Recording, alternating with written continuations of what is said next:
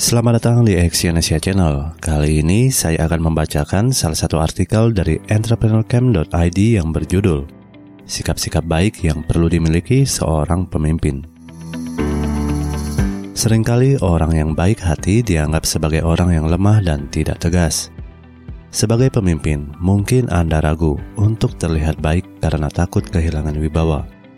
Namun, menjadi pemimpin yang tegas bukan berarti menjadi orang yang tidak ramah maka dari itu, perhatikan tutur kata dan perilaku yang baik saat berada di kantor. Sikap yang baik akan membuat orang lain semakin hormat kepada Anda. Nah, berikut cara-cara bersikap baik yang bisa Anda tunjukkan kepada karyawan di kantor. Yang pertama adalah memberikan solusi yang baik.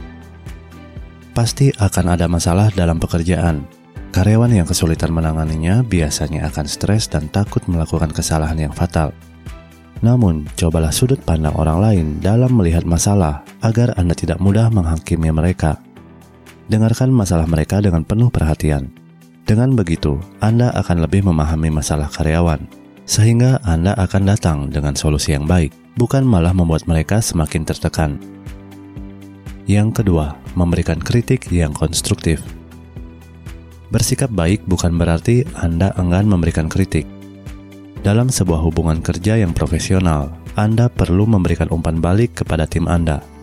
Dengan menyampaikan kritik yang konstruktif, Anda tidak akan terlihat sebagai pemimpin yang buruk.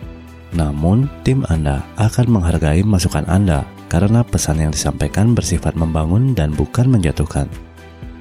Maka dari itu, perhatikan pemilihan kata-kata yang positif saat mengkritik sehingga informasi yang disampaikan dapat diterima dan membantu karyawan Anda menjadi lebih baik dalam bekerja. Yang ketiga, sabar dan menahan amarah yang berlebihan. Pemimpin yang baik dapat bersikap sabar dan mengontrol amarah. Anda pasti sebal jika ada karyawan yang melakukan pelanggaran dan kesalahan. Namun, tidak semua hal harus dihadapi dengan emosi.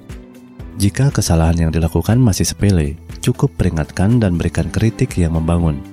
Tidak perlu marah-marah dengan nada tinggi hingga mengucapkan kalimat negatif. Yang keempat, izinkan karyawan melakukan negosiasi. Biarkan karyawan mengutarakan keinginannya dan berdiskusi dengan Anda. Ada kalanya karyawan ingin melakukan negosiasi terkait hak-haknya. Misalnya, karyawan ingin mengajukan izin cuti kerja untuk jangka waktu yang panjang anda perlu menunjukkan sikap baik dan keramahan saat karyawan menyampaikan permohonannya itu. Pahami keinginannya dan sesuaikan dengan kebijakan kantor. Jika memang memungkinkan, jangan tahan hak karyawan itu. Buatlah kesepakatan yang bijaksana dan adil agar karyawan merasa dihargai. Yang kelima, mau meminta masukan dari orang lain. Sebagai pemimpin, Anda harus dapat mengambil keputusan, namun jangan hanya mengikuti pikiran sendiri anda perlu memikirkan baik-baik keputusan Anda dari berbagai perspektif. Cobalah berdiskusi dengan tim Anda. Ucapkan terima kasih atas setiap masukan dari mereka yang menjadi bahan pertimbangan Anda. Walau pada akhirnya tidak semua orang akan setuju dengan keputusan final yang diambil, Anda telah punya etikat yang baik karena secara terbuka membahasnya bersama dengan tim Anda. Nah, itulah sikap-sikap baik yang diperlukan oleh seorang pemimpin. Ingat, Kualitas kepemimpinan juga dinilai dari kebaikan yang Anda tunjukkan. Oleh sebab itu, jadilah pemimpin yang baik, yang selalu bijaksana dalam memperhatikan setiap perkataan dan perbuatannya.